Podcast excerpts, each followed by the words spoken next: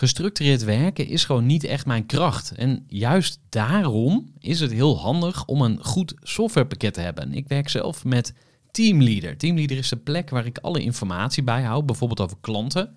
Waarin ik offertes maak en verstuur en die digitaal laat ondertekenen. Waarin ik facturen verstuur, waarin ik lijstjes bijhoud, waarin ik projecten kan managen, waarin ik standaard e-mails kan programmeren. Kortom, ik gebruik Teamleader om alle werkprocessen van mijn bedrijf te stroomlijnen. En zeker ook als je met een team werkt, is het heel fijn om over dezelfde informatie te beschikken. Nou, als je ook benieuwd bent of er mogelijkheden zijn om jouw bedrijf meer te stroomlijnen, of je nu alleen werkt of met een team, ga even naar teamleader.nl slash groeivoer en je kunt dan vandaag nog een trial starten voor twee weken lang, gratis. En je kunt Teamleader volledig uitproberen. En na de proefperiode krijg je ook nog zo'n leuke korting als luisteraar van Groeivoer. Ga naar teamleader.nl slash groeivoer. Groeivoer. Groeivoer. Groeivoer. Zoek je inzicht, inspiratie voor je eigen bedrijf. Wil je elke dag iets leren? Luister dan naar Groeivoer. Ja, welkom bij weer een nieuwe aflevering van de Groeivoer podcast. In deze aflevering van de podcast ga ik in gesprek met Marijn Everaerts van Dopper. Ja, wie kent Dopper nou niet? Want Dopper is wereldberoemd in Nederland.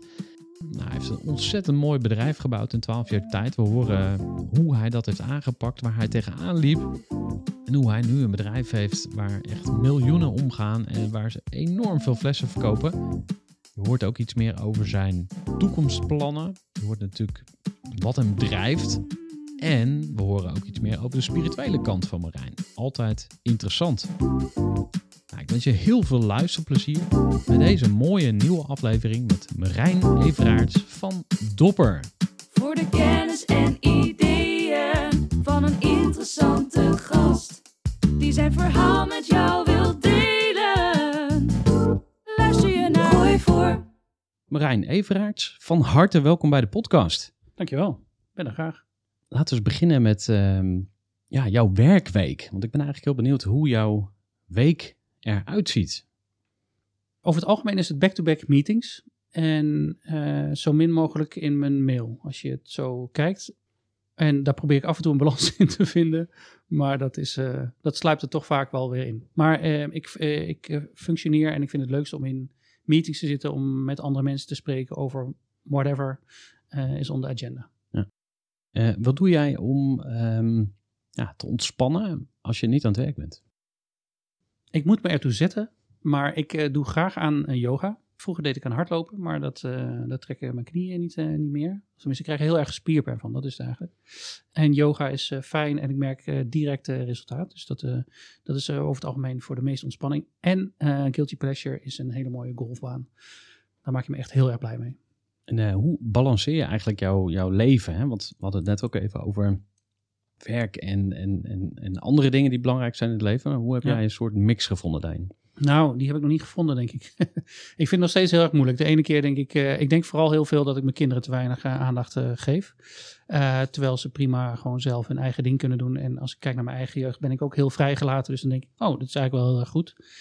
Maar het is misschien dat het schuilt in dat ik meer tijd voor mezelf zou moeten nemen. Waardoor je ook meer tijd voor het gezin hebt. Dus ja, die balans is, eh, nou, die probeer ik wel steeds in te brengen. Maar die is er niet altijd. Dus ik blok tijden in mijn agenda, ook overdag waarin ik eh, ook tijd voor mijn gezin eh, maak. Meegaan naar paardrijden of eh, fluiten bij het voetbal, bijvoorbeeld. Ja, want voel je daar dan ook schuldig over of zo? Of hoe, hoe voelt dat jou? Ja, ja, ik voel me daar schuldig over, ja. ja. Maar ik weet niet wanneer dat niet meer is. Dus dat vind ik ook wel lastig. Eh, als je op vakantie alle tijd voor ze hebt, dan denk ik ook van dan gaan ze op een gegeven moment ook gewoon hun eigen ding doen. En ja, wat moet ik er zijn? Ik denk als je heel veel liefde geeft, heb ik wel besloten, eh, dan eh, zit het al gauw goed. Dus er wordt veel geknuffeld en samen op de banken Friends kijken. Dat soort dingen. Ik denk dat dat een hoop, hoop goed doet. Niet goed maakt, maar gewoon goed doet, bijvoorbeeld. We gaan het natuurlijk straks eh, ook uitgebreid over eh, jouw bedrijf hebben, Dopper. Want eh, ja, ik denk dat Nederland iedereen het wel kent. Je zei zelf in een interview, het is wereldberoemd in Nederland. Eh, daar gaan we straks dieper induiken. Maar ik wil eerst toch nog even ook een beetje in jouw verleden gaan. Van wat is eigenlijk jouw grootste jeugdzonde? Jeugdzonde. Nou, ik weet niet of het een zonde is. Daar ben ik wel groot mee geworden natuurlijk. Maar ik heb wel vroeger eh, behoorlijk wat graffiti's gemaakt. eh, met name in eh, Amsterdam. Illegale strijkers eh, verkocht en afgestoken. En ook al her en der wat best wel veel gejat. waar ik spijt van heb achteraf. Wat is een voorbeeld daarvan? Nou ja, je had natuurlijk spuitbussen nodig om die graffiti's te maken. En die gingen heel goed in een bomberjack. Hema, sorry. Dat is mijn vaste merk.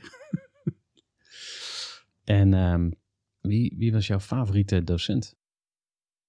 Ik weet niet meer hoe de dame heet, maar ik kreeg bijles van een hele oude dame eh, in Nederlands. En ik denk dat ik daar het meeste aan gehad heb. Omdat ik eh, eh, wat dyslexie heb, niet heel erg, maar ik mis wel af en toe woorden. Ik lees er ook graag overheen. En ik schreef nog steeds, m- wel een beetje, maar in ieder geval, je kon mijn handschrift niet, niet lezen.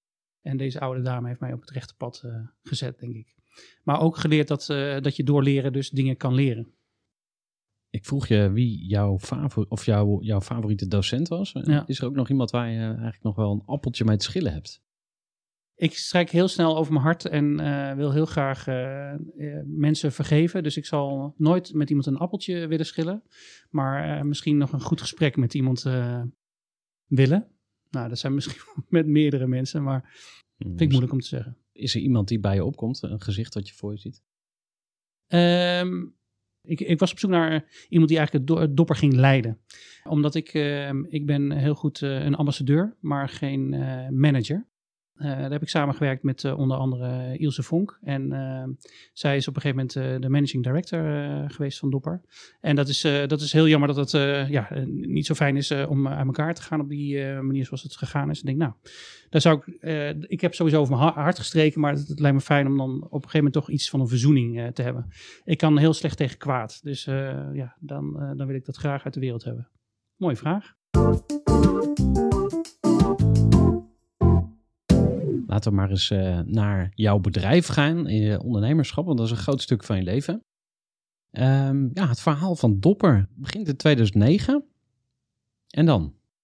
Ja, ondernemerschap is een groot deel van je leven. Ik denk dat het mijn leven is. En eh, dat is uitgemond in ondernemerschap. eh, of dat had ik ook al altijd als, als werknemer.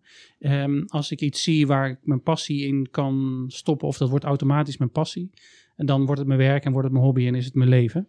Voor Dopper was het voor mij een hele, hele grote frustratie, is eh, de berg plastic afval.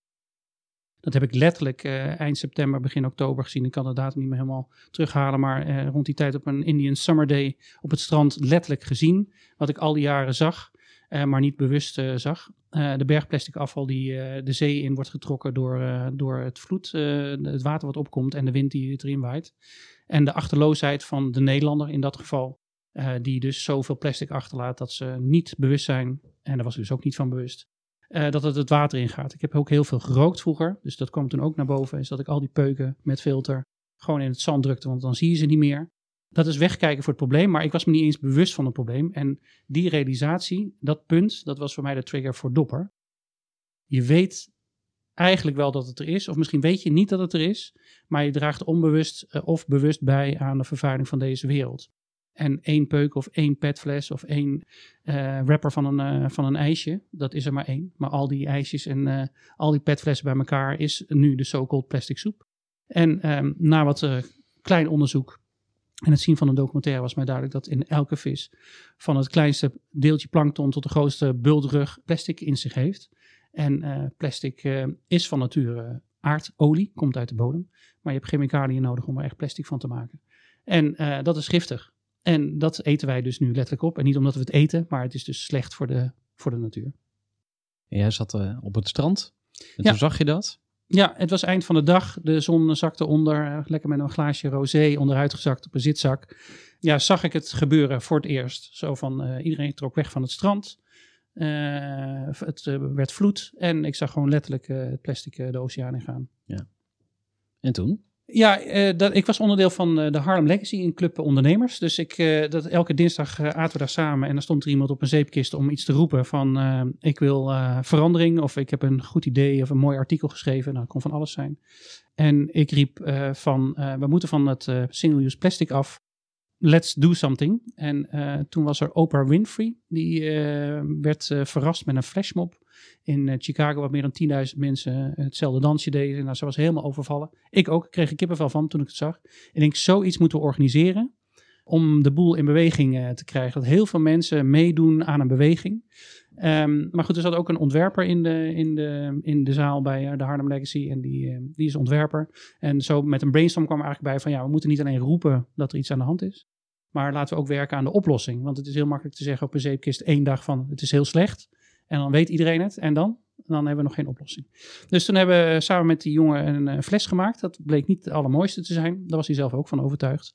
Dus toen kwam het eigenlijk het idee van... we moeten de crowd vragen de Nederlandse ontwerpers om eh, de mooiste fles eh, te maken, designfles eh, te maken. Door een flashmob te organiseren hebben we de aandacht voor gevraagd. Dus je kwam voor iets leuks. Ik denk dat 99 eh, en een half procent van de mensen die er waren voor iets leuks kwamen om dat dansje te doen. Trouwens, hier is vlak, we zitten vlakbij het Neuden. Dus dat was op 3 januari, was we, om 10 uur 's ochtends. IJskoud was het, hartstikke mooi. Strak blauwe lucht. En eh, vanuit die, eh, hier in Neuden stond iets van eh 10 mensen mee te doen een dansje. Daarna zijn we naar Amsterdam gegaan, iets van 75 of 100 man. En in Haarlem waren we om 4 uur 's middags, er waren meer dan 400 mensen. Die meededen aan het dansje. Dus het was echt helemaal te gek. Radio was erbij, de pers, schrijvende pers. Het probleem was geagendeerd. En de vraag was aan het einde van laat je laatste fles achter. En bedenk een oplossing voor de plastic soep, voor het probleem. In de vorm van een duurzame waterfles. En daar is eh, deze, nou staat hier, eh, hele mooie dopper uit voortgekomen. Van eh, de ontwerper Rinke van Remortel. Oké, en wa- waarom heet hij ook alweer Dopper? Ja, bij die, in datzelfde, we zaten in de school, dus we hadden op een bord stonden allemaal kreten en namen en dingen en kraanwater waar het allemaal voor belangrijk was. Eh, wat mij opviel en wat velen opviel, dat eh, de petfles als een soort, eh, ik noem het maar even als een checkie werd gebruikt. Dus je rolt een checkie en dan doe je wat met dat checkie en, of met een sigarettenpakje of met een ka- kauwgompakje. Ehm, zo wordt de petfles werd ook op die manier gebruikt. Dus het was meer eh, een soort habit om een petfles bij te hebben dan dat je nou echt uitdroogde en nu water nodig had. En ook nog eens een keer mineraalwater uit weet ik veel welk ver oord. Dus eh, wat mij opviel was dat het, eh, het dopje eh, vaak een soort van magisch iets was. Dat veel mensen het dopje als een soort entertainment gebruikten. In plaats van het checkie rollen, het dopje erop en eraf tilde zonder te drinken. door bleven praten zoals ik het nu ook, dat kun je niet, niet zien. Maar ik haal het dopje erop en eraf. En ook de dop was gelijk ook de bottleneck. Want je kon daardoor ook het petflesje niet makkelijk schoonmaken. Dus het woord dop stond heel vaak op het, op het schoolbord. En het schijnt dat ik het heb geroepen, maar ik kan me niet herinneren. Dopper. Eh, alles draait om de dop. Daar komt eh, dopper vandaan. Nou, we gaan het zo nog eh, wat meer hebben over productontwikkeling. Hè? Want dat is natuurlijk interessant. Ja. Eh, je hebt een idee en nu, twaalf jaar later, ben je nog steeds mee bezig. Wat is er allemaal gebeurd? Voor we daar naartoe gaan, nog heel even over jouw missie als ondernemer. Want wist je toen aan het begin al meteen van... hey, eh, ik wil de wereld veranderen en dat ga ik zo en zo doen? Of of ben je er een beetje ingerold? Eh, nou, eh, eh, bij Dopper is het. Kijk, ik kom uit een nest waar we het om de natuur en om de mens eh, geven. Dus Amnesty International, Greenpeace zijn, waren mij niet vreemd, nou, al vanaf mijn jeugd. Al moet ik zeggen dat ik rond mijn twintigste jaar totaal ben vergeten, want dan ben ik ook lekker gaan consumeren. En juist doordat ik dat, die achtergrond heb en zelf ben gaan consumeren, eh, tot optima forma en zoveel mogelijk geld wilde verdienen, eh, land je op een gegeven moment, tenminste ik, eh, in het zo van, oké, maar waar ben ik mee bezig en waar sta ik in de wereld? En kijk hoe vervuilend die wereld is of hoe on, hoeveel onrecht er is in, in de wereld. Dus daar komt eigenlijk de basis van Dopper ook vandaan. En ehm, ja, ik, ik, ik wilde een beweging in gang zetten, maar ik had me niet... het einddoel was duidelijk, het petfles moet de wereld uit, maar ik had niet als doel van hoeveel moet ik er dan verkopen of hoeveel mensen moet ik dan bereiken. Maar meer, ik begin gewoon ergens. En nou, dat waren dus in totaal 500 man op die eerste dag. Eh, dat was al overweldigend, zeg maar. Dus het, het, het overviel me eigenlijk in het begin eh, een beetje. Maar dat, dus ik had niet echt een doel, behalve dat ik wist, die petfles moet de wereld uit. Dat is, en hoe? We zien het wel. Ja, want ik heb, ik heb je ook horen zeggen, de wereld is in chaos. Hè? Ja. Dus in 2009 was je er al mee bezig, maar nog steeds is er een urgentie. Waar denk je dan aan? Nou ja, the world is on fire, the world is in chaos. Ik, eh, eh, ja, ik heb net in de auto de, de uitzending van Zembla eh, teruggeluisterd over de, de landbouw. Eh, iets wat me al heel lang dwars zit, alle chemicaliën die er worden gebruikt en die wij gewoon binnenkrijgen, maar ook gewoon slecht zijn voor moeder aarde, waardoor het steeds minder vruchtbaar wordt. En nou goed, er zijn zoveel dingen waarvan ik denk, die zijn belangrijk om aandacht te vragen, dat dat het gewoon continu bij mij, bij mij speelt.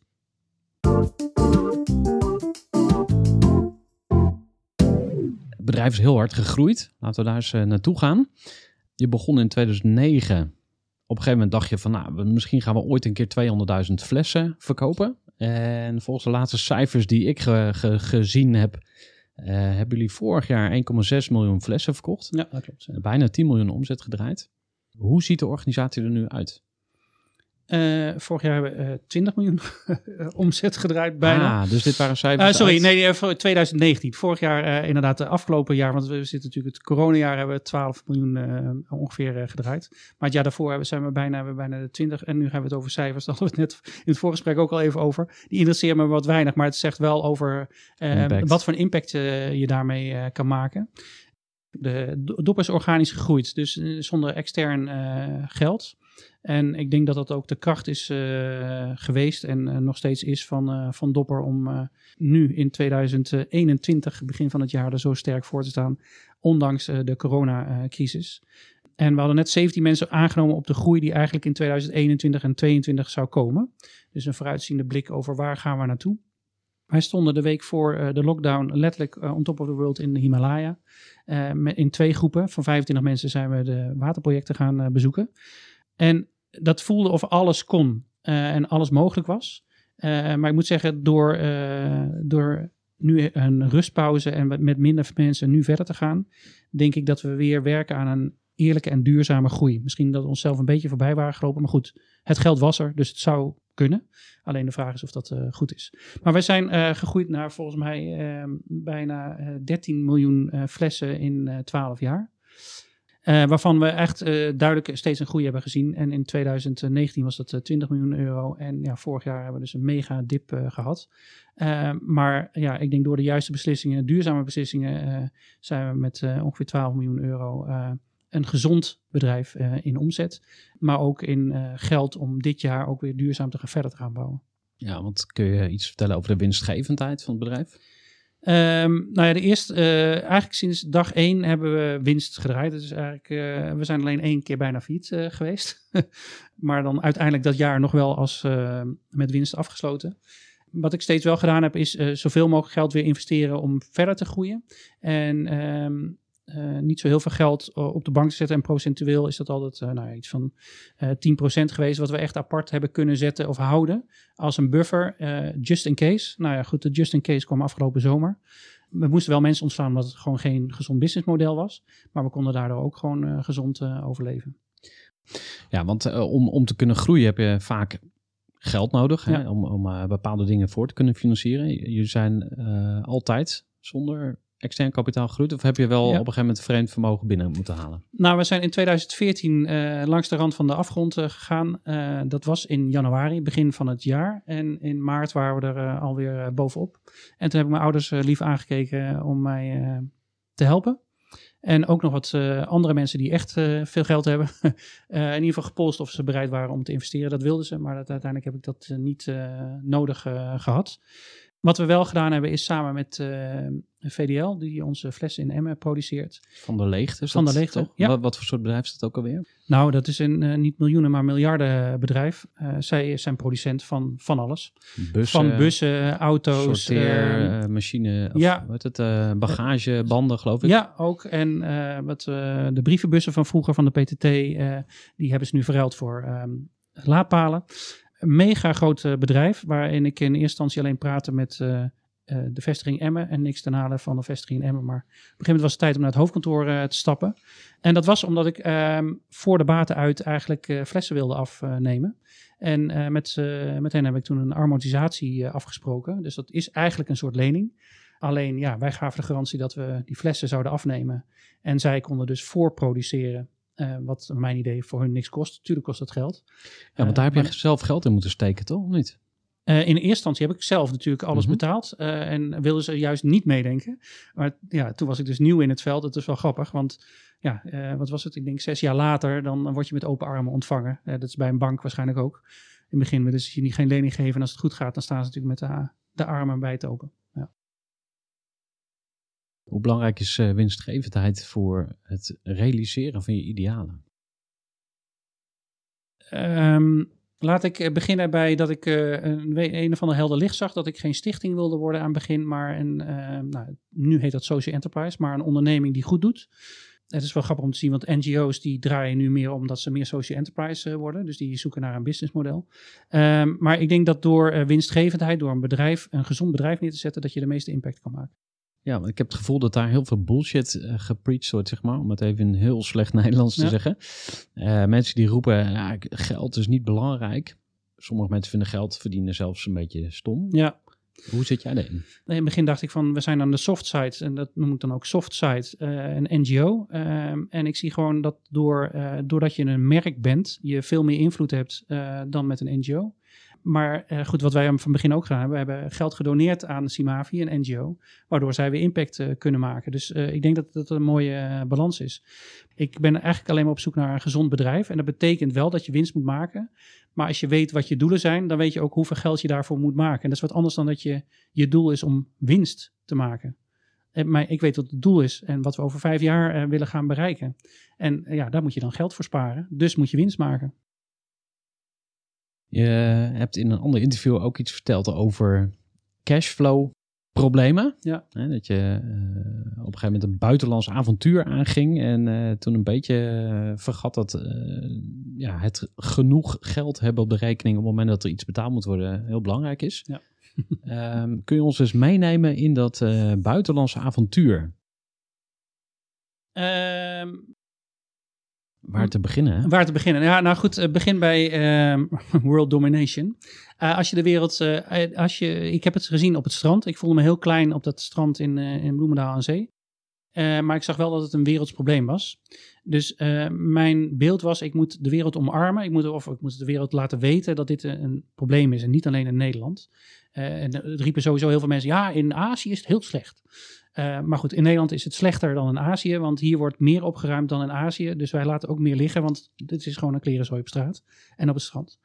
En toen dacht ik van ja, dan moeten we dus eh, de wereld omarmen. Ik zoek plekken op de wereld. En eh, nou, de beste manier om natuurlijk een business case te schrijven is, waar ben je nog niet geweest op vakantie? En welke steden zou je graag willen zien? En dan zet je acht vlaggetjes in, op de wereldkaart. En denk nou, van daaruit gaan we het doen.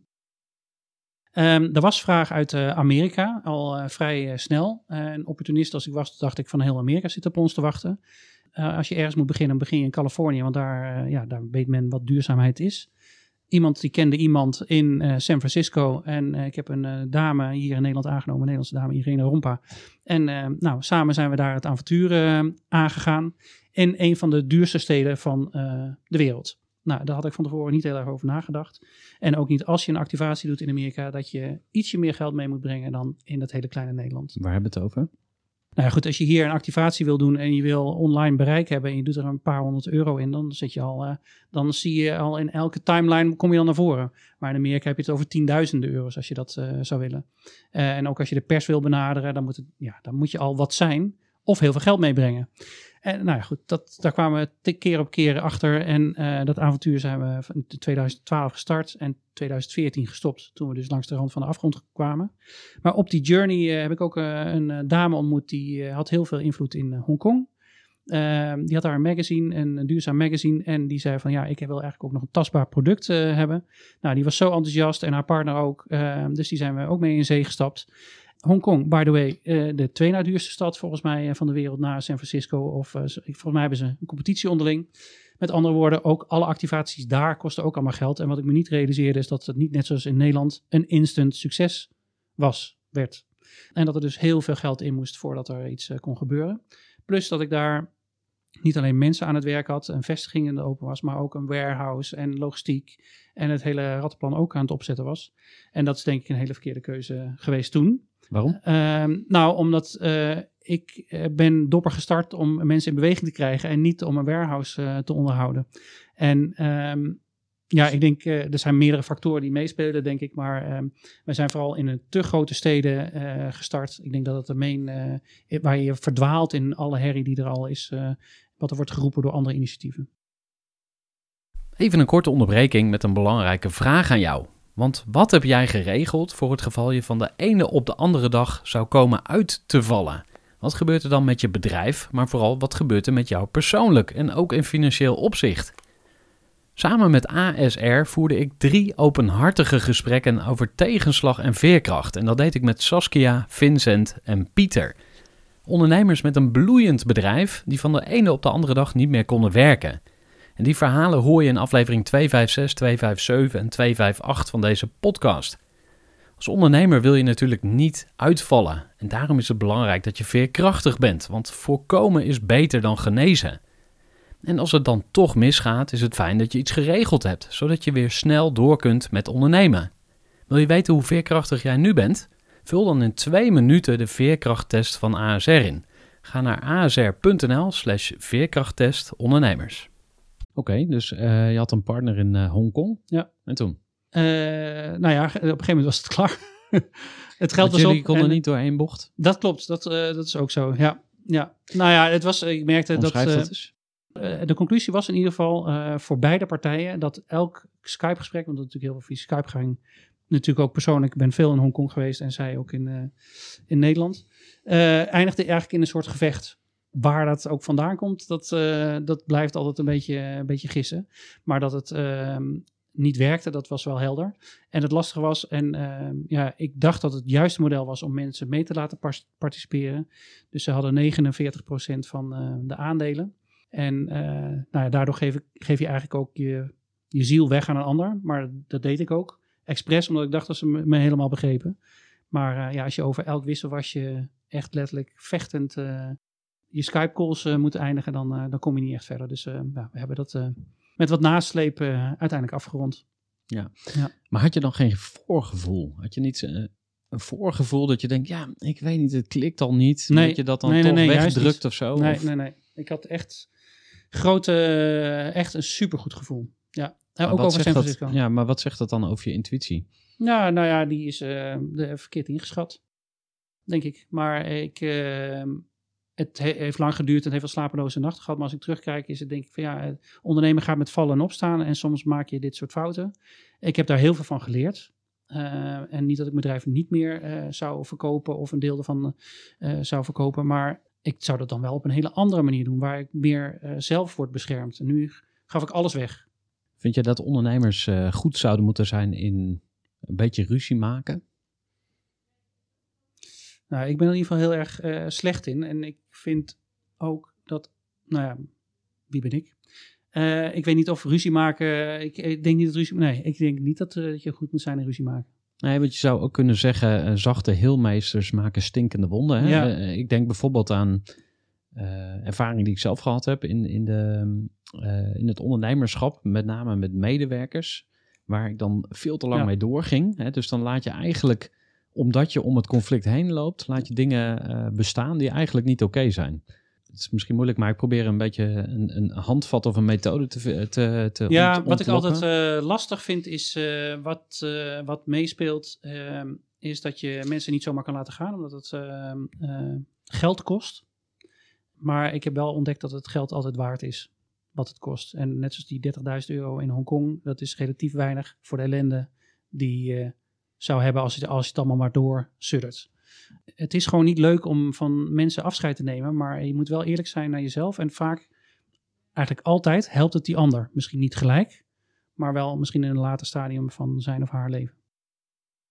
Wat heb jij nog meer geleerd van de, je internationale avonturen? Want je zei eh, Nou, VS. Ja, VS en Hongkong. Hongkong. eh, maar goed, eh, ook in Brazilië, rondom de Olympische Spelen, zijn we heel actief eh, geweest. En ik wilde echt daar voet aan de grond krijgen. In Duitsland zijn we eigenlijk vanaf dag één al bezig, wat nog steeds, nou dat is nu duidelijk een groeiende markt, maar wat heel lang geduurd heeft.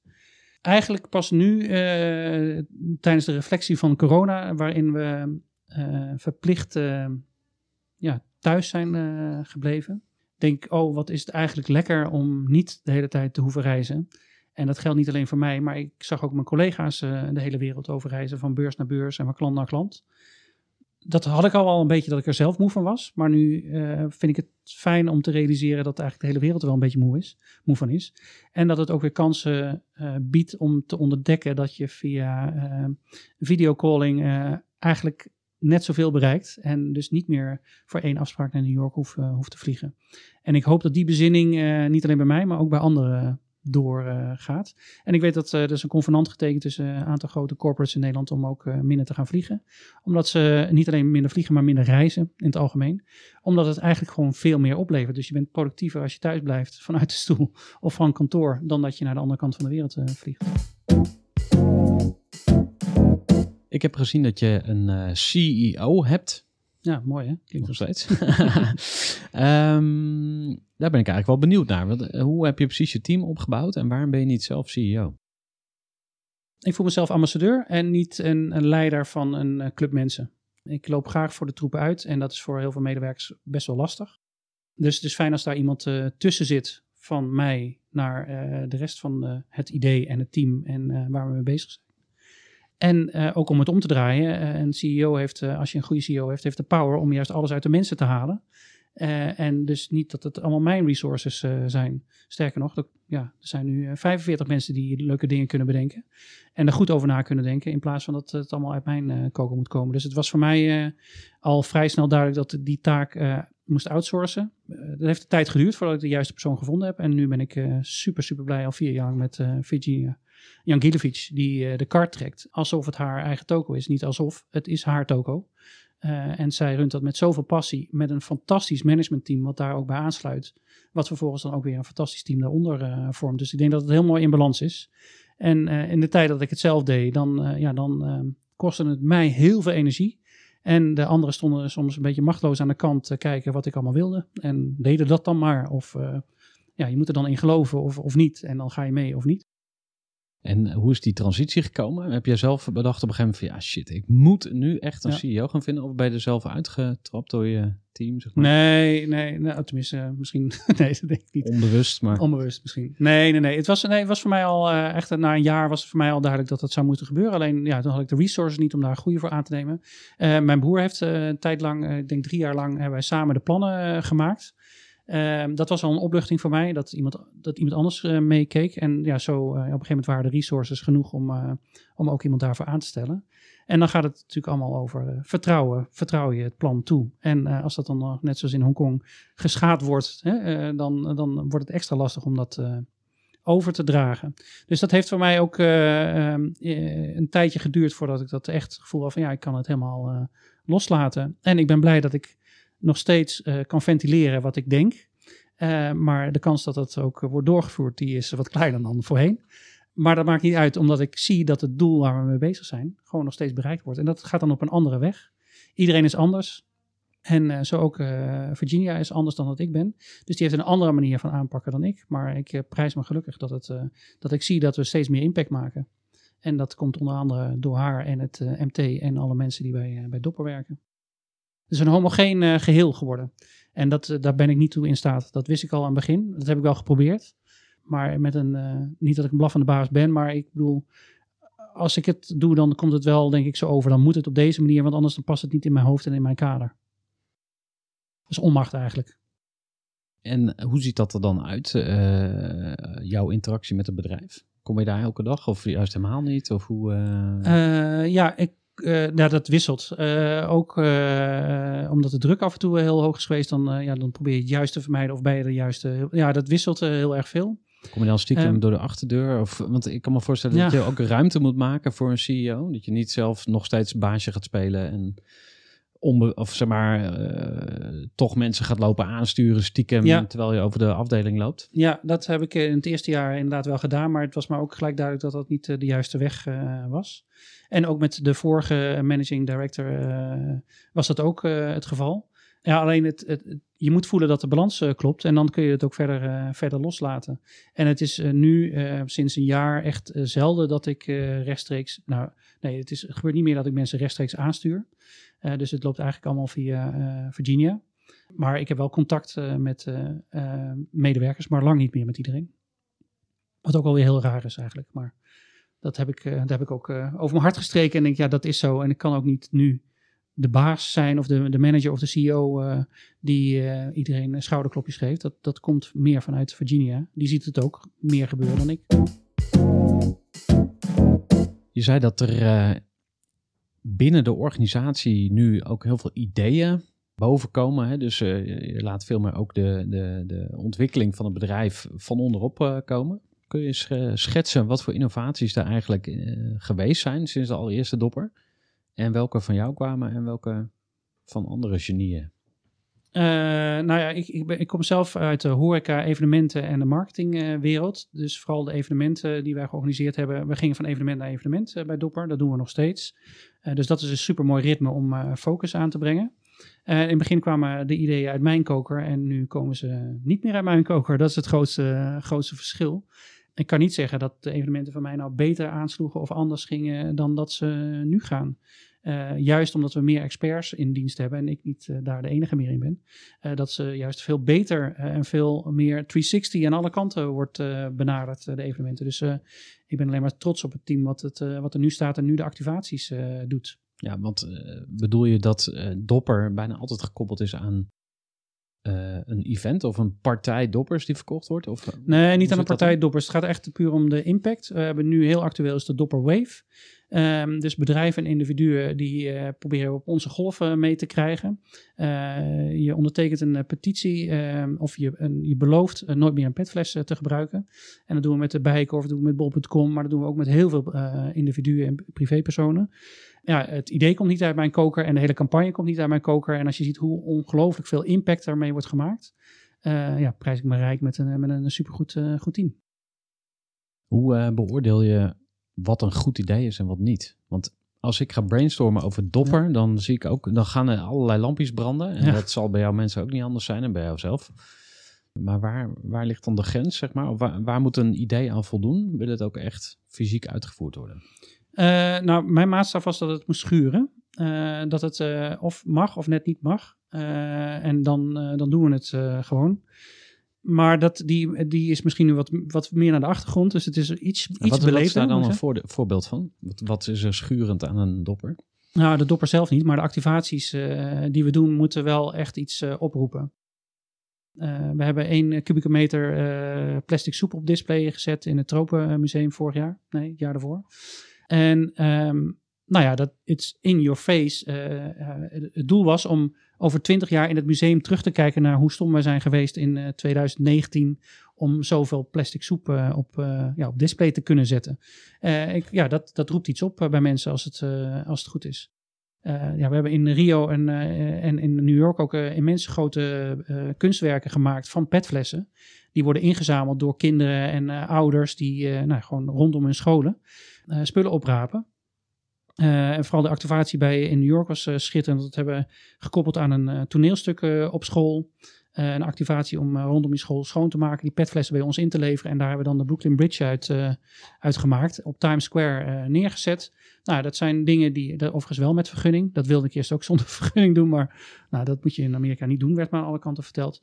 Maar het liefst zou ik dat dus zonder vergunning doen. En meer rebels dat, dat neerzetten ja, het, het, is geslaagd als er bij iedereen uh, een glimlach komt en uh, denkt van oei, dit is, uh, dit is een goeie. En, en een fles zelf, dus als we even naar het fysieke product ja. kijken, wat, wat is het gekste idee wat er voorbij gekomen is? een, een dopper van klei is het gekste idee denk ik wat voorbij gekomen is. Ziet er wel super mooi uit, maar helemaal niet praktisch. Dus die, maar goed, wie weet komt hij ooit nog een keer, maar dan als een soort beeld, standbeeld. Um, Gouden dopper, heb je die? Nou, we hebben een keer aan de Dubai-dopper zitten denken, omdat er interesse was vanuit Dubai. En ik dat moeten we inleggen met Swarovski-kristallen. Nou, wie weet komt hij er is. Voor de Olympische Spelen in Londen heb ik gouden doppers laten maken. Uh, maar weliswaar geschilderd. Uh, maar wie weet komt er ooit nog een, een gouden, gouden fles. Ja, de innovatie is eigenlijk uh, doorgaan. De Dopper Original is in geen enkel, meer, geen enkel opzicht meer hetzelfde als dat hij was. Dus uh, het schroefdraad is veranderd, uh, de afdichtingen zijn veranderd, het materiaal is uh, nou, totaal nieuw. Dus ja, wij blijven aan de achterkant innoveren. Eh, waar we sowieso aan willen vasthouden is het cradle-to-cradle eh, principe. Dus de fles moet weer bij ons terugkomen waar wij weer dan nieuwe doppers van kunnen maken. En het moet niet eh, ongezond zijn voor je, voor je lichaam. Dus dat gebruiken we als maatstaaf. Eh, en aan de andere kant eh, kijken we gewoon naar de trends in kleuren en in de wens van eh, wat er is in maten en materiaalkeuzes. No excuse eh, anymore to eh, not go for a dopper. Gooi voor. Groeiclub. Oh ja, wat misschien ook nog leuk is om te vertellen. Ik ga binnenkort weer beginnen met een nieuwe editie van Geniaal Groeien. Geniaal Groeien is het groeiprogramma van Groeivoer. En in Geniaal Groeien ga je 12 weken lang samen met tientallen andere ondernemers aan de slag met het laten groeien van je bedrijf. En in elke groeisessie pakken we een ander relevant onderwerp bij de kop. Je gaat dus aan de slag met het upgraden van je eigen skills als ondernemer en je gaat ook heel gericht aan je bedrijf werken. Nou, wil je meer weten over het Geniaal Groeien programma? Ga even naar groeivoer.nl. En je kunt ook gewoon even een keer komen kijken, want we hebben op eh, woensdag 10 februari weer een open sessie waarin mensen die interesse hebben in de Groeiclub of in het Geniaal Groeiprogramma gratis en verblijvend langs mogen komen. Dus als jij denkt, ja, dat ben ik, ik ben wel nieuwsgierig, kom even langs. 10 februari, meer info op groeivoer.nl. Lekker verder naar Gooi voor. Hey, eh, we, gaan, we gaan nog even vooruitkijken. En daarna wil ik het graag hebben over jouw persoonlijke groei als ondernemer. Mhm. Eh, maar wat was eigenlijk je toekomstbeeld van Dopper? Twaalf jaar geleden eh, had ik geen idee waar ik aan begon. Ehm, wat je al heel even aanhaalde, we hebben toen eh 200.000 doppers verkocht, eh, waarvan ik dacht dat zou ik in mijn hele leven doen. Dat was in het eerste jaar. Dus het succes is wat dat betreft eh, sneller gegaan dan, eh, dan wat ik had gehoopt. Maar ehm, de frustratie is eh, minstens net zo groot als eh, dag één. Want eh, ik zie dat het plastic probleem niet is verminderd. Dus ik zie wel dat de awareness groter is geworden. Maar het is niet zo dat ik nu alle Coca-Cola's en Nestle's van deze wereld verandering zie maken. Behalve dat ze een heel klein beetje plantaardig plastic toevoegen. Maar we weten ook dat olie ook plantaardig is. Dus eigenlijk is er helemaal niks veranderd en is dat pure greenwashing. Ehm, je hoort misschien wat frustratie in mijn stem. Ik heb het gevoel dat ik nog steeds twaalf jaar terug in de tijd sta. Dus mijn, mijn frustratie en mijn strijdbaarheid is nog net zo, eh, net zo groot. Dus waar wil ik heen? Ik wil de petfles eh, de wereld uit. eh, liefst zo snel mogelijk. Maar dat, daar hebben we dus blijkbaar wat meer tijd voor nodig dan, dan overnight. Als je vooruitkijkt naar de toekomst van Dopper, wat, wat, wat voor grootharig, overweldigend doel heb je dan? Oftewel, wat is jullie B-hack? Big Harry Audacious Goal. Eh, de petfles de wereld uit. Dat staat bij ons eh, bovenaan. En eh, schoon drinkwater uit de kraan. Dat moet ik er heel belangrijk bij zeggen. Want dat is natuurlijk wel een voorwaarde wat er dan moet zijn. Ehm, alleen, ja, je bent er niet eh 1, 2, 3. En het mooie is, eh, want je had het over eh, de B-hack. Die komt van eh, Fern Harnish van de Rockefeller Habits. Rockefeller, een van de meest vervuilende bedrijven in, in deze wereld, waren mijn voorbeeld om mijn bedrijf onder controle te krijgen. Ze hebben namelijk een one-page plan waarin je één in één opslag je bedrijf kan zien, elke dag.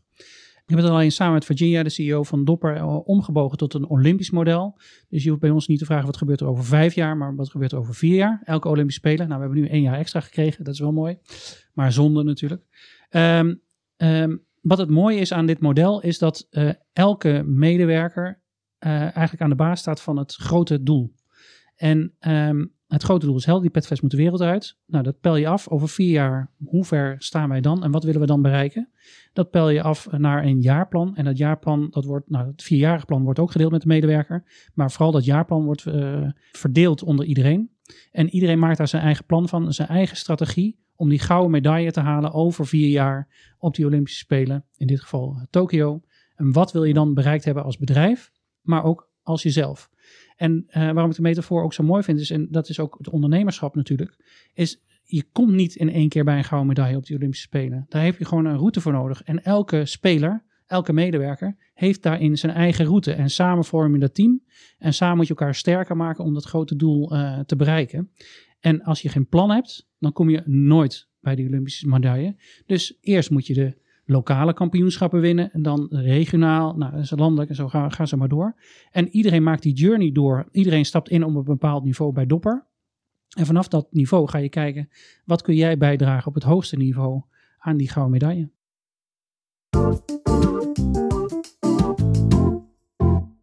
Laten we eens naar jouw eh, persoonlijke groei gaan kijken. Want ik Mhm. eh, vind het ook altijd leuk om eh, een kijkje te nemen in het hoofd van de ondernemer die tegenover me staat.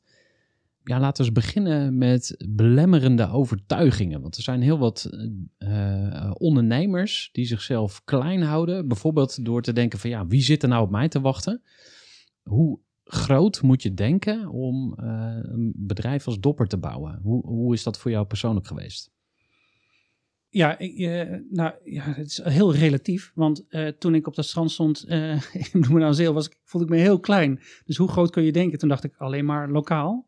En verder toen dacht ik, oh nee, eh, we moeten landelijk de, de ontwerpwedstrijd uitschrijven. Oh ja, nee, het is een werelds probleem. We kunnen ook nog wel een vestiging in andere plekken eh, doen. Ik merkte wel dat ik er niet vies van was om groter te denken dan wat eigenlijk mogelijk was. En ik denk dat dat opportunisme heel gezond is voor een onderneming. Alleen je moet natuurlijk wel dan de resources hebben om dat vervolgens te kunnen doen. Eh, maar ik merkte wel dat op het moment dat er meer middelen zijn of dat je merkt dat er meer tractie is, dat je eerst je best moet doen om in de bijkorf te komen. En vervolgens wordt het omgedraaid, wil de bijkorf je hebben en ga je ermee naar buiten toe, samen naar buiten toe. Ik denk dat je, als je voelt dat je relevant bent, zo groot kan denken als je zelf wil. En, eh, en dat je dus meegroeit in het proces, dat heb ik heel erg gemerkt. Uh, maar de droom, uh, de droom is bijna altijd wel hetzelfde geweest. We moeten het wereldprobleem oplossen. Maar ik heb ook gezien dat ik het niet alleen kan. Hè? Niet alleen fysiek alleen, maar ook niet alleen dopper is de oplossing, maar er zijn ook die andere flessen. Is er wel zo'n uh, belemmerende overtuiging waar je nu nog steeds mee worstelt? Iets wat jou tegenhoudt? Nee, meer dat ik uh, tegen strijd dat ik merk dat er bij anderen misschien belemmeringen zitten. Ja. Vind ik lastig om daar een balans in te vinden. Omdat ik juist Kijk, ik ben een dromer en ik visionair en ik kijk vooruit. Visionair in de zin, het hoeft niet goed of slecht te zijn. Of dat kan allebei zijn. Maar ik vind het soms lastig om mensen die, mij, die, die ik nodig heb, meer aan de blauwe kant, meer financieel en, en gedegen over dingen nadenken, dat het lastig is voor mij om die op mijn pad mee te krijgen. Dus de, de gouden snede daarin, die moet ik nog, nog vinden. Daar ben ik wel steeds beter in geworden, maar dat vind ik nog een heel lastig iets.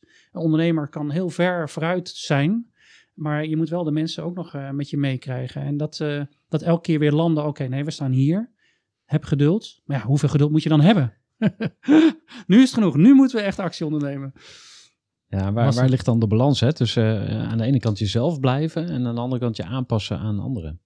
Ja, ja en dat is een continu uh, proces. En af en toe ben ik er ook helemaal klaar mee. En dan denk ik, uh, laat het maar. En, en dat is ook wel, nu ook doordat het het meer een medewerkersgestuurde organisatie is, dan meandert het, het klinkt alsof het vooruit kabbelt, maar dan meandert het uh, verder. Dus wat, wat heb ik daar nog voor rol in? Wat zou ik nog moeten? Het doel is duidelijk. En het vierjarendoel, daar wil ik dan wel nog een, een grote stempel in hebben. Uh, als in uh, zeggenschap in hebben van het lijkt me slim om die kant op te gaan. Maar als dat duidelijk is, wat moet, moet ik nou nog iedereen gaan pushen? Volgens mij niet. Waar zou je zelf nog in willen groeien als ondernemer? het begin van het opstarten van een idee, daar zou ik in willen groeien. Om dat op een goede manier over te brengen. Uh, en het geduld of de tactiek voor te hebben om dat uh, te kunnen doen. En, en hoe zou dat eruit kunnen zien? Wat voor plannen nou, zou je dan kunnen maken? Nou, ik, uh, ik realiseer me dat ik heel vaak aan het oefenen ben daarin. Dus ik ben me er bewust van. ik zit even, er zit een voorbeeld in mijn hoofd, maar hij komt niet helemaal naar voren. Um, Oh ja, dat ging over, uh, dat is heel mooi, over laadpalen, want uh, die moeten ook bij, uh, bij ons in de buurt van het kantoor komen. In principe heb je dedicated parkeerplaatsen voor één auto, die zou je dan huren. Maar ik moet met de aannemer erover hebben dat het handig is om die plek met z'n tweeën te delen. Want wij zijn er overdag op het kantoor en de bewoners zijn er s'avonds. Maar ja, dat was heel lastig voor die aannemer om dat te bedenken, want hij verkoopt die plek. En ik zie dan de weerstand en dan is het aan mij van hoe ga ik dat op de een of andere manier zo ombuigen dat ik, want ik, mijn idee is natuurlijk fantastisch, dat, het, uh, dat, dat, dat hij in mijn idee gaat uh, geloven. En die overtuiging dat ik denk dat mijn idee fantastisch is, daar moet ik dan ook af en toe natuurlijk op terugkomen. Dus dat, ja, dat is altijd uh, zoeken naar een balans.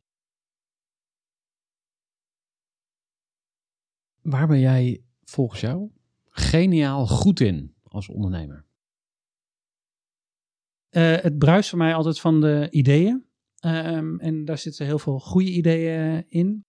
En als ik daarin geloof en we staan erachter, dan uh, kan ik daar vol, vol gas op geven. Zonder uh, dat ik last heb van de omgeving. Dat kan voor anderen wel lastig zijn, maar hebben we het over mezelf. Ik denk dat ik daar goed in ben om eh, iets aan te jagen.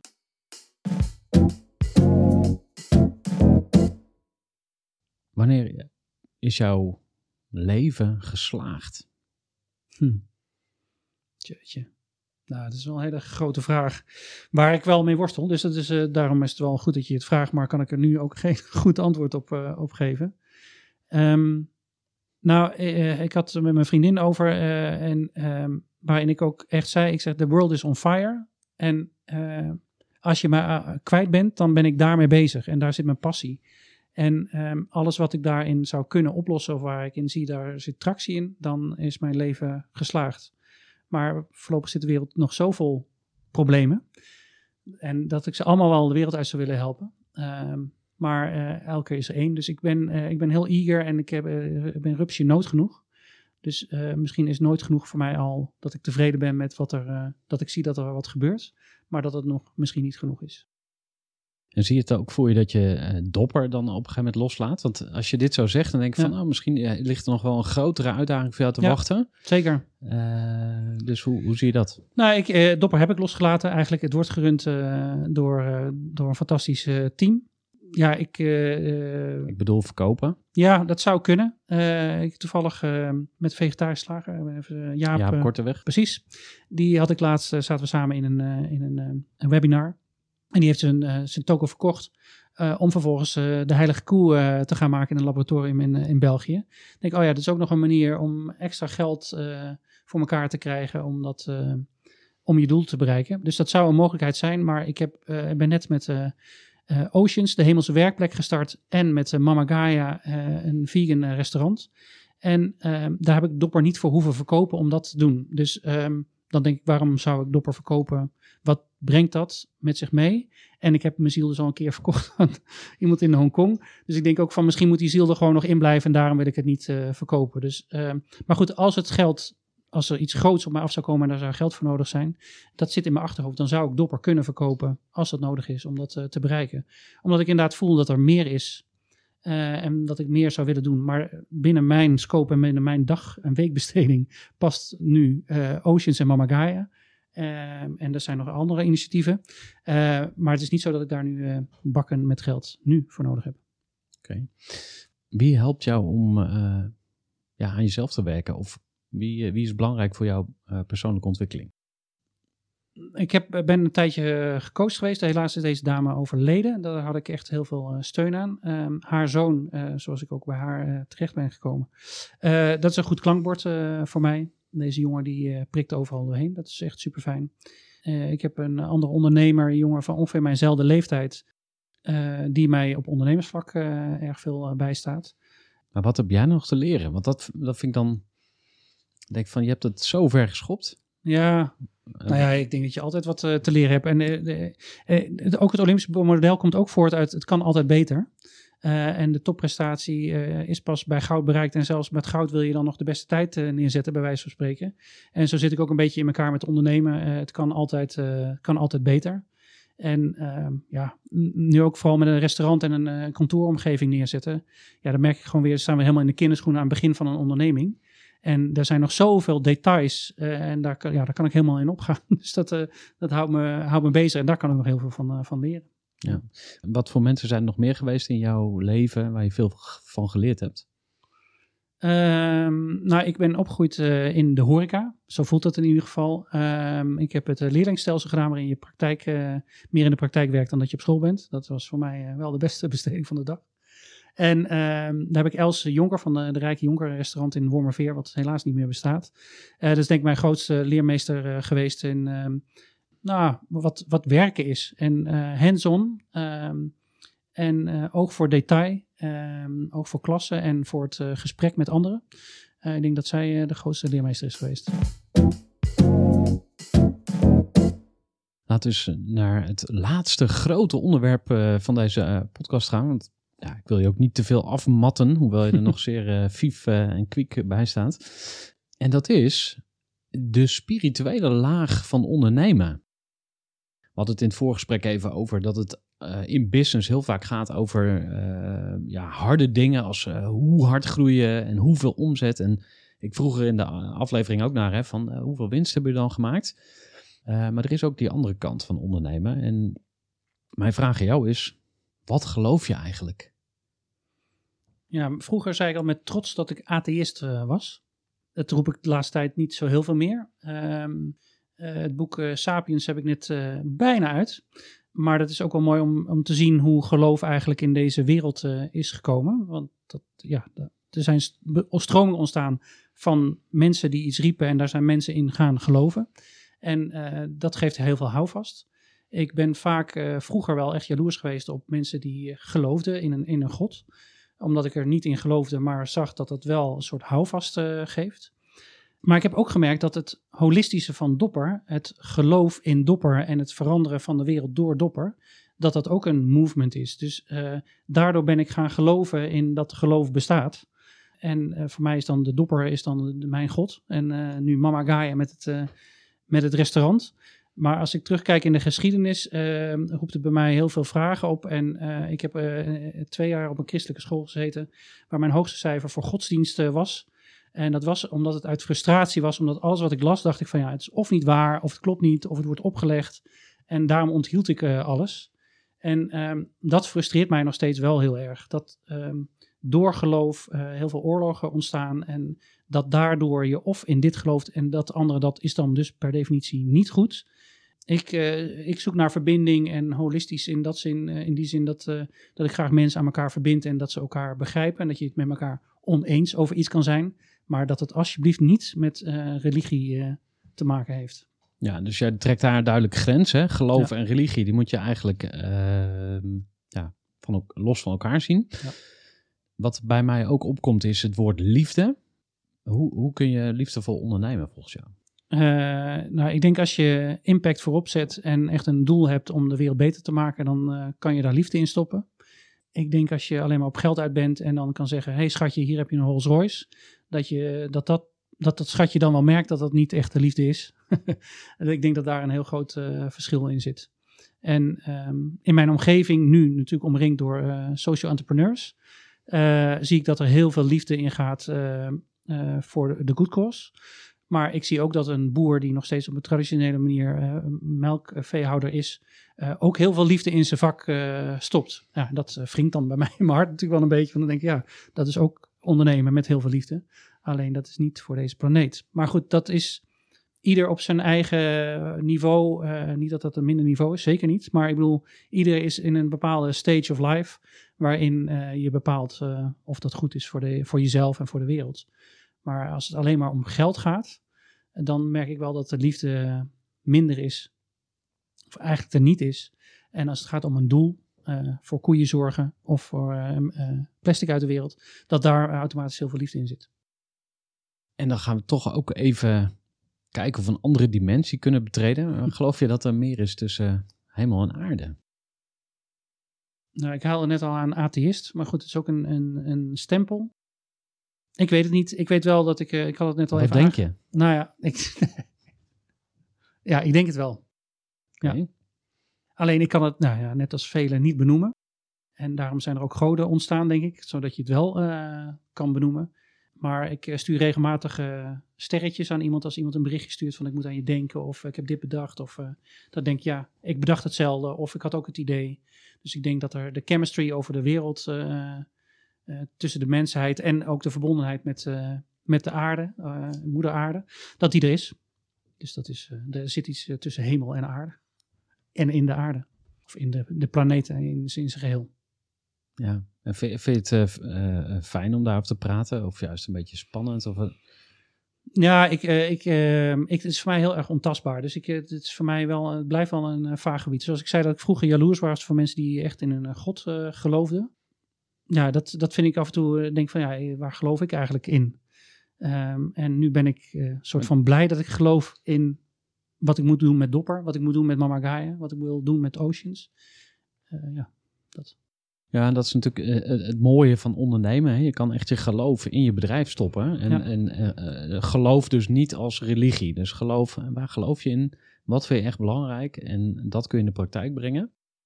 Ja, en voor mij houdt het dus, uh, Dopper is onderdeel van het grotere geloof dat we de wereld beter willen maken. En daar zijn gelukkig steeds meer mensen die dat ook vinden. En ik heb het idee dat we dat op een fijne manier moeten overbrengen op de mensen die dat niet doen. Dus niet door oorlog, van je moet nu dit. Eh, maar eh, dit zijn de voorbeelden en de alternatieven. We hadden het net al even over de vegetarische slager. Die frikandel die smaakt gewoon precies hetzelfde en is niet eh, van slachtafval gemaakt. Je vertelde net dat je wel eens sterretjes aan iemand stuurt, dus bepaalde energie doorgeeft. Nou, laat ik het anders zeggen. Eh, ik, heb, ik heb wel eens een, een, bovenmenselijke ervaring gehad. En dat was toen ik eh, eh, ging trouwen. Samen met mijn vrouw stonden we met de hele groep genodigden om ons heen op een tafel met een glas champagne. En op dat moment verscheen er in de lucht een ronde regenboog. Een halo, zou je het ook kunnen noemen. En mijn broer die kwam aanrennen en zei: Kijk, Gerard, dat is Hm. mama. Want mijn moeder is overleden toen ik 14 was. En we hadden een gezin met zeven kinderen. Super heftige gebeurtenis. En op dat moment, echt op dat moment kwam, kwam die regenboog. We hebben er zelfs foto's van. En ja, een cynicus zou dan zeggen van ja, dat is gewoon een regenboog. Ja, Mhm. nou leuk voor je. En als jij graag wil geloven dat dat je moeder is, ja, veel plezier. Eh, het is misschien ook niet zo belangrijk eh, wat iemand anders daarvan vindt. Maar voor mij was dat echt, eh, ja, ik wil dat geloven, maar ik geloof dat ook echt dat dat op dat moment die energie eh, was. Dus ik ben wel benieuwd, heb, heb jij ook zo, zoiets als meegemaakt? Of iets dat je denkt, Nou, ik kan het niet ehm, verklaren, maar... Ik heb een huis gekocht en op de, da- eerste dag dat we de sleutel kregen was er een regenboog, ook, ook een regenboog boven het huis. En eh, mijn vriendin is duidelijk spiritueler dan wat ik ben. En die hangt daar echt wat aan op. En ik vond het meer gewoon een hele mooie regenboog op deze fantastische feestelijke dag. Voor mijn gevoel haalt zij daar het spirituele zoals jij dat net aangeeft uit. En ik denk, ja, dit is gewoon de bekroning van een mooie dag. Niet gewoon, maar ik zie dat er iets gebeurt. Maar die diepere betekenis die wil ik of niet zien of niet aanraken. Of ik ben tevreden met, eh, met dat dat eh, gebeurt. En zo ook als heel veel dingen bij een evenement allemaal op zijn plek eh, vallen. Het is misschien het ehm, gehaaste leven waar ik eh, zelf in zit. Dat ik er niet bij stil sta of wil staan. Of me er niet... ik heb voor mijn idee zoveel mooie dingen meegemaakt. Maar dan is het gelijk naar het volgende. dus dan, dan... Oh ja, mooi. En door. Nou ja, wat bij mij opkomt is dat we ook eigenlijk nooit geleerd hebben om ons open te stellen voor dat soort dingen. Dus we hebben op school, ik in ieder geval, altijd geleerd. Ik heb notabene christelijk onderwijs eh, Hm. ook genoten. Maar we leren altijd van 1 en 1 is 2. En alles wat we kunnen uitrekenen, dat is waar. En alles wat we niet kunnen eh, verklaren, dat is niet waar. Dat is bullshit. Terwijl juist die vage shit, om het even zo te noemen, of die, die, die ja, ik weet niet of we het vrouwelijke energie kunnen noemen, maar de sensitiviteit, als we dat misschien meer zouden ontwikkelen, dan zouden we in business misschien ook wel succesvoller zijn. En betere beslissingen maken, om, omdat we minder ehm, op, op één soort energie varen. Dus we zouden. Hm. Ja, ik, ik roep maar wat, maar. Ja, nee, ja, eh, het kan. Daar kan ik niet, eh, ja, kan ik niet over oordelen. Ik, eh, ik voel ook, ik ben wie ik ben. En net zoals wat ik al zei, met mijn achtergrond denk ik dat ik redelijk holistisch ben opgegroeid. vrije school gezeten. Dus ik denk in ieder geval dat ik wat dichter bij de aarde sta dan eh, menig ander één. En dus daardoor ook misschien wat minder geld belust ben. Ja, ik ben zoals ik ben. Maar of dat nou... Of we dat nou meer zouden moeten zijn. Ik, ja, ik zie dat wel bij mijn kinderen. Die, want ik wilde ze per se op een normale school hebben. Want de vrije school vond ik niks. Maar goed, als je uiteindelijk terugkijkt. Heb ik natuurlijk wel heel veel aan de vrije school gehad. Omdat je inderdaad meer bij, eh, dichter bij de natuur staat. Maar goed, papa zit in de duurzaamheid. Dus ik denk dat het vanzelf wel goed komt met ze. Ja, want eh, is het toevallig dat jij zoveel succes hebt? Ja, eh, dat riep ik de eerste jaren wel. En ehm, eh, succes is ook weer heel relatief. Eh, nu, ja, iedereen eh, zit aan de dopper in Nederland dan in ieder geval. We're world famous in the Netherlands. En ik heb geprobeerd in heel veel landen ook impact te maken eh, en het verschil. En dat is niet gelukt. Dus heb je succes, dat is dan ook weer een relatief eh, begrip. En moet je miljoenen omzet draaien of een paar honderdduizend euro is eh, genoeg om het verschil te maken. Ik kan dat niet. ik sta er heel open in. Ik heb veel van je mogen leren, Marijn, dankjewel. Ik wil afsluiten met een wens voor ondernemend Nederland. Dus wat wens jij alle ondernemers van Nederland en daarbuiten toe? Eh, positieve, duurzame impact voorop. niet de winst. Dat is heel kort, eh, maar ook heel duidelijk. Dankjewel. Graag gedaan. Ja, en tegenwoordig zijn er steeds meer mensen die, zoals jij nu ook aan het doen bent, een podcast luisteren. Volgens BNR Nieuwsradio zijn het er maar liefst 2,2 miljoen. Nou, ik wil heel graag naar de 2,2 miljoen luisteraars en dat gaat me alleen lukken als ik een klein beetje support krijg van jou. En wat daarbij heel erg helpt, dat zijn reviews. Ik heb een hele leuke review gekregen van Jetty Beukers. In eh, november vorig jaar schreef zij het volgende over de Groeivoer podcast. Gerhard, jouw podcasts zijn inspirerend en het enthousiasme en de positieve toon in jouw gesprekken werkt aanstekelijk. Interessante onderwerpen, mooie gesprekken die aan denken zetten en zelfs tot actie brengen. Nou, dat is het allermooiste, hè? want inspiratie is hartstikke leuk, maar uiteindelijk gebeurt het pas bij transpiratie. Dus ga lekker aan de slag met de ideeën die je hoort in deze podcast. Het hoeft maar één idee per aflevering te zijn. Wil jij ook een shout-out in deze podcast? En ik kan zelfs een beetje reclame voor je maken. Laat dan even een review achter. Doe dat door in je iPhone naar de native podcast app te gaan. Je kunt daar een uh, review achterlaten in Apple Podcasts. Als je geen iPhone hebt, stuur dan even een berichtje naar info.groeivoer.nl. Dan stuur ik je de link. Ik kan niet iedereen een shout-out geven, maar ik kan wel iedereen een groeivoer groeipakket toesturen. Dus als jij zo'n tof goodiepakket in je brievenbus wil ontvangen, het enige wat je hoeft te doen is even een paar fijne regels tikken over deze podcast. En dan kleppert je brievenbus en ligt daar zo'n prachtig pakketje. Tot zover deze aflevering en graag tot een volgende keer. Gooi voor.